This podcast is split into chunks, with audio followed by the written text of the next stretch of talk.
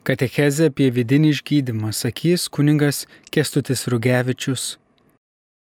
Sveiki, mėly Marijos radijos klausytojai. Vytauto bažnyčioje, kai vyksta vidinio išgydymo pamaldos, kuriams davė tokį postumį tėvo Rufo Pereiros atvykimas ir taip pat ta patirtis katalikų bažnyčioje, kuri po antro Vatikano susirinkimo vis labiau ir labiau ieškojo būdų, kad Jėzus taptų gyvas žmonėms. Nes iš tikrųjų reikia sutikti, kad mūsų tikėjimo kokybė priklauso nuo mūsų gyvo ryšio ir bendravimo su Jėzumi.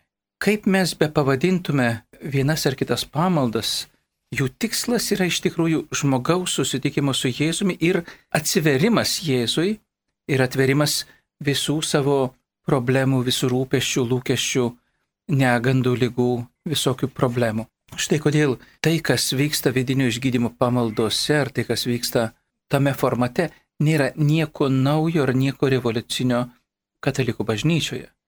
Jėzus nuo pat pradžios, skeldamas gerą naujieną, skeldamas Dievo karalystę, iš tikrųjų prisilietė prie viso žmogaus ir gydė žmonių negalės ir ligas, atleisdamas nuodėmes, išvaduodamas juos pirmiausia iš viso to, kas jiems trukdo priimti Dievo karalystę, kas jiems trukdo būti Dievo vaikais, kas jiems trukdo įsitiesti ir būti žmonėmis. Jėzaus misija ir buvo pasėti tą meilės ir gerumo sėklą ir gerąją naujieną, gerą naujieną apimančią visą žmogaus gyvenimą. Jėzų įžengus į dangų, mokiniams jis patikė tęsti savo darbą. Eikite visą pasaulį ir padarykite mano mokiniais visų tautų žmonės. Ir taip pat mokydami laikytis visko, ką esu jums pasakęs. Taigi, bažnyčios uždavinys iš tikrųjų pasiekti visus žmonės ir padaryti mokiniais. Kas yra mokinys? Mokinys yra tas, kuris laikosi savo mokytoju, kuris yra bendrauja su savo mokytoju, kuris yra vienoje dvasioje. Ir Jėzus siūsdamas savo mokinius kaimus ir vietovės įvairiai sakė, eikite, skelbkite gerą naujieną, gydykite ligonius, dėkite ant jų rankas, jie pasveiks, neškite tą džiugę viltį. Taigi, bažnyčios misija - nešti Jėzų į žmonių širdis ir į konkretų gyvenimą. Mes matome, kad mūsų laikmetyje, kai tas atskirimas religinių vertybių ir pačios religijos nuo gyvenimo įneša tą tokį kylį ir žmonės tiems vidiniams poreikiams numalšinti ieško daugybės būdų, formų ir šaltinių, kurie ne visuomet yra palaimingi arba tokie, kokie iš pirmo žvilgsnio atrodo, ką jie siūlo. Labai dažnai tai būna ta pasiūla, kuri yra užmaskuota tam tikra subkultūros forma, kuri nori pavergti dar labiau arba pririšti žmogų. Todėl vidinio išgydymo pamaldos tai yra iš tikrųjų galimybė ateiti žmogui pas viešpati tokiam, koks jis yra, galbūt dažniausiai turinčiam kažkokį problemą, rūpestį, negalę, prislėgimą. Paslaptis, kad daugelis ir net ir tikinčių va, nešioja didelės kažkokias tai nuoskaudas, savęs nepriemimą, patirtą nemailę, įvairiausius kompleksus, nemokėjimą bendrauti. Tai, ką vadiname tomis vidinėmis žaizdomis. Bet jos dažnai būna net pažintos, nesuvoktos. O žmogus vis tiek trokšta ir gėrio, ir meilės, ir tiesos, ir Dievo. Bet įvairūs tie blokai, kompleksai, sužeidimai neleidžia jam nei normaliai bendrauti vieni su kitais, nei normaliai eiti tikėjimo keliu ir įsitvirtinti gyvenime. Štai kodėl vidinio išgydymo pamaldos ir tas laikas skirtas viešpačiu. Pačios vidinio išgydymo pamaldos, jų struktūra nėra kažkokia tai ypatinga. Centre yra Euharistija ir Jėzus, nes tai yra kristocentrinis veiksmas. Visas mūsų dėmesys yra vesti į susitikimą su Kristumi. Labiausiai tai mes tą išgyvename šventų mišių metu. Toliau, kas vyksta, tai yra ir katechezė, kad paliestų vieną ar kitą aspektą bažnyčios mokymo arba to mokymo, kuris lengviau mums padėtų susitikti arba išgyventi vieną ar kitą problemą arba vieną ar kitą tiesą, kad ir žinoma girdėta, bet įeinant giliau, kad galima būtų atpažinti tai savyje. Taip pat būna vienas ar kitas liūdėjimas, patvirtinantis ar tai tą mokymo aspektą arba padrasinantis kitus atsigręžti ir priimti Jėzų. Visų išgydymo pamaldų metu taip pat yra išstatytas švenčiausias sakramentas, kad suvoktume, kad Jėzus yra centre, Jėzus yra tas tikrasis gydytojas. Ir kad pas Jėzų galima ateiti bet kada toks, koks esi. Su tuo, su kuo dabar tau sunku ar, ar negera, ar, ar labai skirtingai priklauso nuo situacijos. Ir taip pat po adoracijos, po palaiminimo švenčiausio sakramentu, kuris išstatytas visą vakarą, taip pat yra užtarimo malda. Besimeldžiantys žmonės, paprastai būna po du, meldžiasi už konkretų to žmogaus poreikį ar įsakytą lūkesti, rūpesti, problemą. Užtarimo malda tai yra Jėzaus meilės ir gailestingumo darbo pratesimas. Tai buvo nuo pradžios bažnyčios. Apaštlas Paulius, be ne kiekviename laiške, rašė, tegul jūsų visi rūpeščiai, visi, visi prašymai su dėkingumu ir pasitikėjimu būna žinomi Dievui. Melskite vieni už kitus. Nebūkite vieni kitiems skolingi nieko išskyrus meilę. Iš tikrųjų, tai ta meilės ir gailestingumo tarnystė tų žmonių, kurie tampa tais kanalais, Dievo gailestingumo kanalais ir įrankiais. Taip mes patys galim ir esam netobuli įrankiai. Ne? Kaip Jėzus sako, kai viską jau būsit tobulai atlikę, sakykit, esam nenaudingi tarnai. Ne? Bet dažnai net ir per netobulus įrankius yra perdodama Dievo malonė ir Dievo gydantis veikimas, kuris yra labai svarbus aspektas, nes Jėzus veikia bažnyčioje. Antro Vatikano tėvai sakė, tas išganimo ženklas arba išganimo sakramentas žemėje, taigi visa tai, kas vyksta bažnyčioje, yra Dievo darbas. Mes patys sudarom mistinį Kristaus kūną. Esame jo nariai, bet gyvybingumas arba gyvybė mumis yra tiek, kiek mes būsime vienybėje su Jėzumi. Todėl tie, kurie, pavyzdžiui, melčiasi už kitus žmonės, tai yra maldos rupelė žmonės, kurie yra pasiruošę tam, pirmiausia, turi būti, kaip sakiau, vienybėje su Dievu, Dievo malonėje ir turėti meilę žmonėms, priimti, norėti patarnauti jiems. Taip pat kad jie mokėtų įsiklausyti ir užtarti. Tas užtarimas tai yra natūralus kiekvieno žmogaus poreikis, kai žiūrėkit, kai mes pergyvenam ar rūpinamės, mes taip pat norim natūraliai užtarti arba padrasinti, paguosti. Šitoj vietoj tai yra vykdoma tas Jėzaus pasakymas, kur du ar trys susirenka mano vardu, ten aš esu jūsų tarp. Ir ko tik susitarsite, melstį mano vardu ir tikėsite, kad tai bus, taip ir įvyks. Taigi, visa tai, kas vyksta pamaldose, ar vyksta kas užtarimo maldoj, nieko nėra to, ko nebūtų šventajame rašte, ko nebūtų Evangelijose ir Naujajame testamente. Tai yra Jėzaus misijos pratesimas.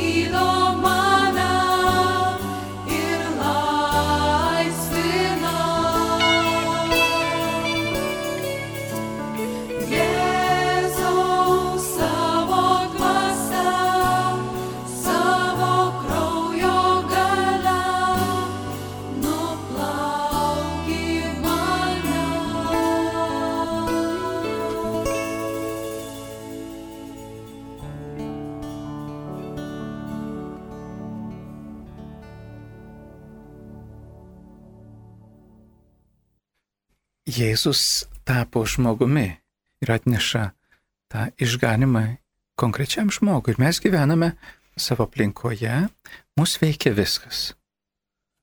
Mus veikia ir aplinka, mūsų santykiai, mūsų auklėjimas, mūsų polinkiai, visos mūsų patirtys nusėda mūsų pasąmoniai. Ir žmogus nėra suskirstytas arba atskirtas jo dvasia, jo kūnas. Mes kalbam, galim kalbėti apie vieną žmogų, vientisą žmogų. Ir tas žmogaus vientisumas yra labai labai svarbus.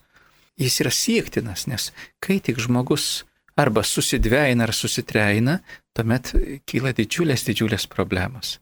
Štai kodėl siekimas to integralumo arba tiesos yra siektinas dalykas ir, ir, ir iš tikrųjų pavyzdys, nes jeigu mes kaip kartais bandom kaltinti arba pastebim, sako, vieną galvoja, kitą šneko, trečią daro. Tai yra tragedija, liūdnas reiškinys. Jėzus kviečia, kad mes gyventume tiesoje. Sako, tiesa jūs padarys laisvus. Ir ta tiesa apie save pačius kartais gali būti labai skaudi. Ypač jeigu yra skausminga kokia nors praeitis ir patirtis, tai žmogus kartais net nesąmoninkai bando nuslėpti arba pabėgti nuo tos tiesos, nuo to skausmo, nuo tų negatyvių minčių ir kartais elgesi vis neigdamas arba jo išorinės reakcijos gali pasireikšti kaip priešiškos, kaip agresyvios, kaip kompulsyvios.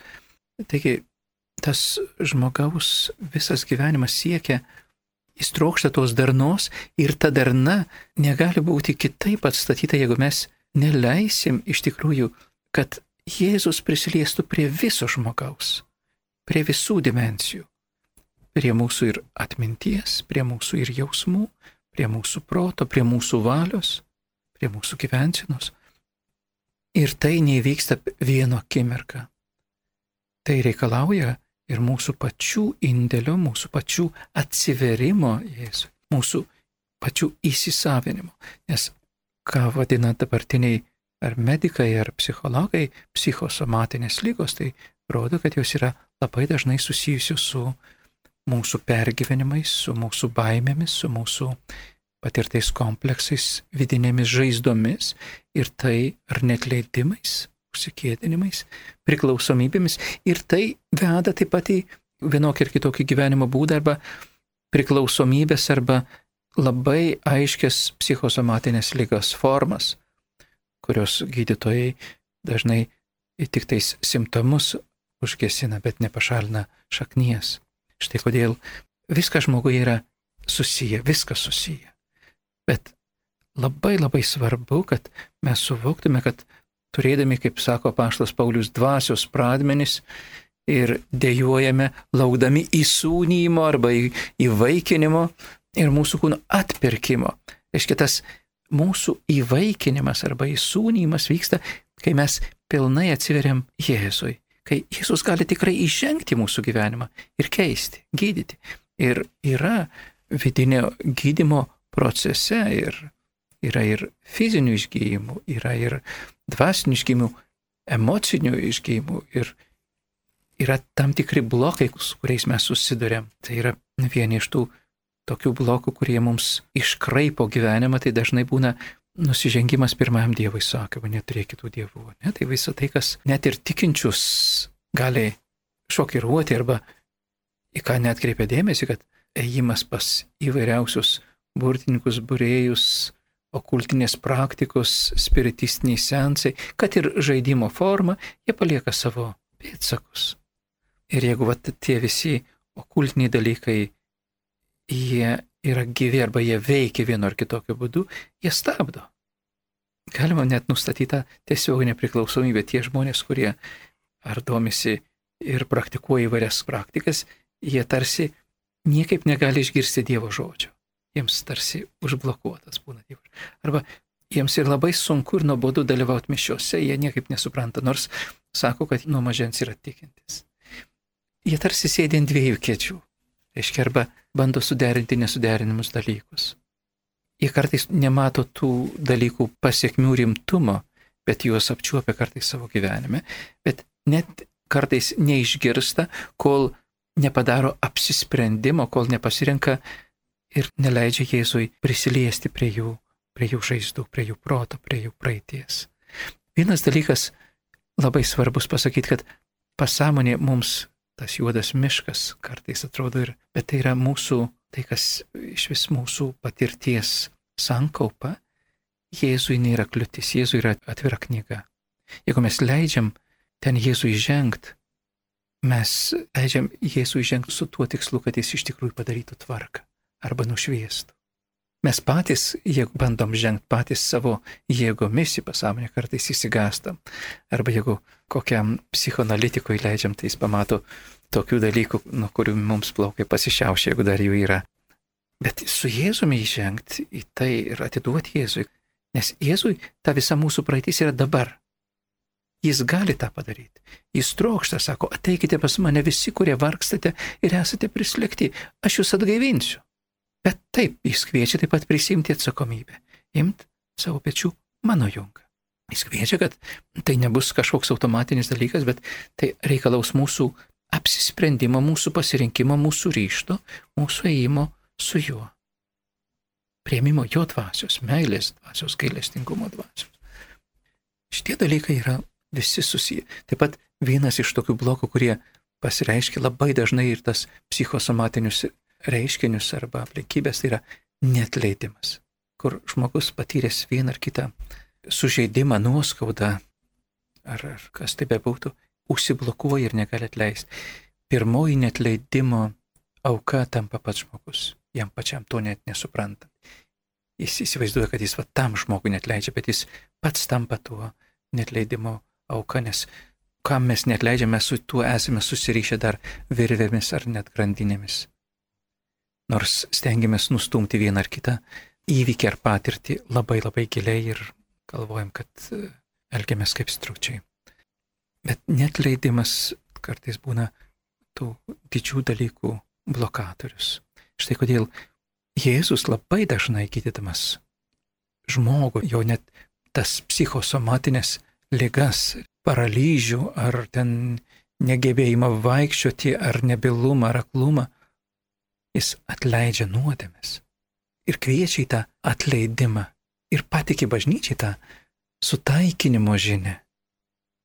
Tai yra iš tikrųjų be galo svarbus dalykas. Štai kodėl tas procesas visuomet apima atleidimą, teisingai suprasta ir atlikta.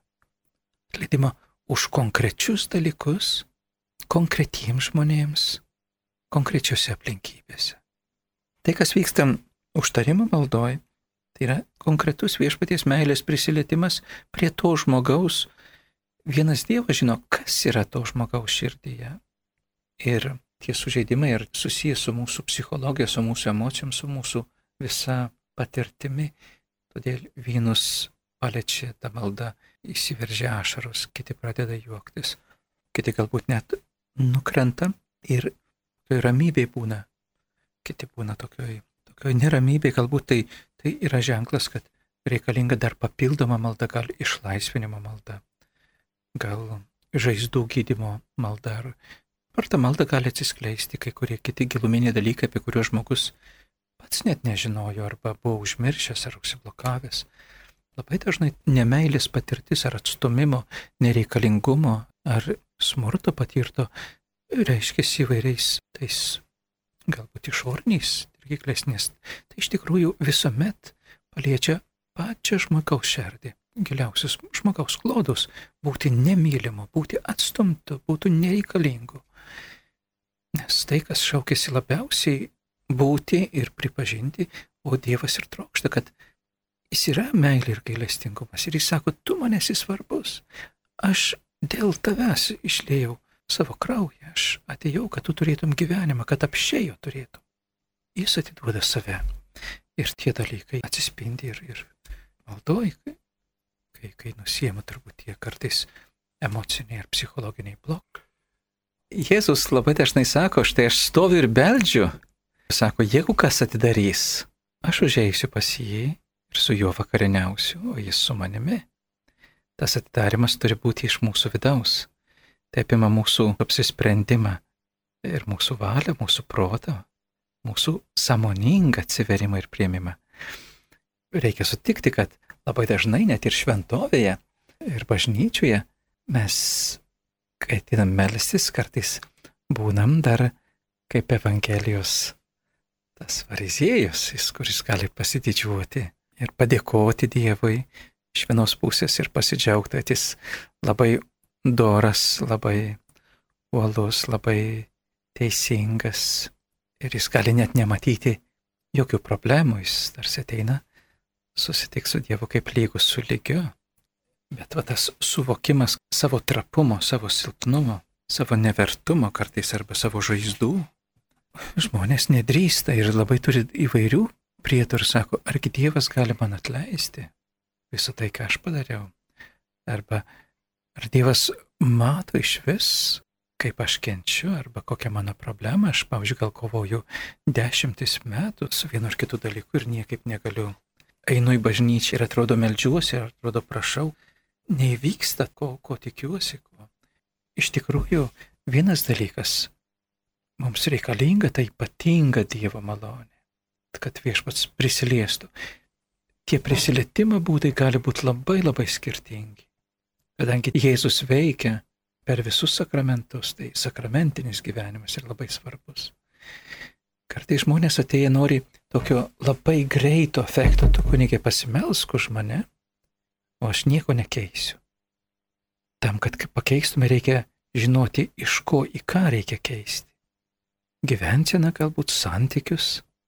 Štai kodėl yra reikalinga ir ta katechezė, ir tas Dievo žodis, kuris prakalbina žmogų arba kuris užkabina, kuris kaip tas grūdas. Gali būti šimtas grūdų, numesta ir ant kelio, ir tarp irškiečių, neduoti efekto, bet kartais va tas geras grūdas, jis turi laiko kartais suleisti tas šaknis ir duoti vaisių. Duoti vaisių kantrumu. Taigi išgydymo procesas yra procesas, yra trukmė. Ir tai, kas mus priartina prie Jėzaus, yra teisinga. Yra žmonės, kurie mėnesių mėnesiais ar metų metais eina ir paskui tik sako, štai aš dabar supratau arba štai aš dabar sužinojau. Yra žmonių, kurie lankydami bažnyčioje sekmadieniais nemato reikalo arba nesupranta, kodėl jiems reikia išpažintiesai. O kažkiek laiko, kažkoks momentas, sako, štai aš suprantu, kad dabar man reikia eiti išpažinties po dešimties metų. Arba po dešimties metų ėjimo į bažnyčią ar, ar penkiolikos sprendžia, taip, man jau reikia atlikti pirmąjį išpažinti ir priimti komuniją. Nors 10 ar 15 metų žmogus eina. Mes kartais nežinome, kas dedasi žmogaus širdį ir, ir kas trukdo jam atverti tas duris. Gali būti tai blogai, gali būti tai nusivylimai, gali būti tai nuodėmė, gali būti tai baimės, nemailė, savęs nepriemimas, daugybė dalykų. Ir kai žmogus išgirsta kartais ar liūdėjimą, ar panašią situaciją, ar sveiką bažnyčios mokymą apie Dievo meilę, apie Dievo gailestingumą, apie visas tas kliūtis ir barikadas, kurias kartais mes, turėdami neteisingą Dievo įvaizdį ir santyki ar pavyzdį, turim. Ir, ir. Taigi, iš tikrųjų, kaip svarbu bažnyčiai pristatyti neiškreiptą, autentišką Jėzų. Jėzų, kuris yra gailestingumas ir meilė. Štai ir ateinantis metai bus paskelbti Dievo gailestingumo metai, tai iš tikrųjų nuostabu. Ir Lietuva tampa tuo gailestingumo kraštu, nes ir sesers Kovalskos, Faustinos Dievo gailestingumo žinia pasklido pasaulį iš Vilniaus, iš Dievo gailestingumo miesto, iš aukštos vardo gailestingumo motina. Iš tikrųjų, tas gailestingumas, kuris yra reikalingas mums visiems, tai kas susijęs su naujų žmogaus gimimu. Tai, ką Jėzus pokalbė su Nikodemu sako, kas nori įeiti, tapti tikrų Dievo vaiku, turi atgimti iš šventosios dvasios. Hebrajų kalboje žodis gailestingumas turi tą pačią šaknį kaip ir moters iššius. Taigi išgyventi tą dievišką gailestingumą tai tarsi naujai gimti. mes galim pasakyti su apaštu Pauliu, nieko nereiškia nei vienokia ar kitokia patirtis, apipjaustimas, neapipjaustimas, žinios ar, ar sugebėjimai ar talentai, bet tai, kas yra Kristuje naujas kūrinys. Taigi, va tas gailestingumas, kurį siūlo bažnyčia, tai, ką siūlo pats Kristus, jis yra tas gailestingasis samarietis. Jis kviečia kiekvieną patirti ir išgyventi asmeniškai. Kiekvieno kelias bus skirtingas, nes kiekvieno patirtis yra skirtinga. Bet kad žmonės atrastų Kristuje tą, kuris yra gailestingumas ir meilė. Apie vidinį išgydymą kalbėjo naujasis Kauno Kristaus prisikėlimo bazilikos klebonas kuningas Kestutis Rugevičius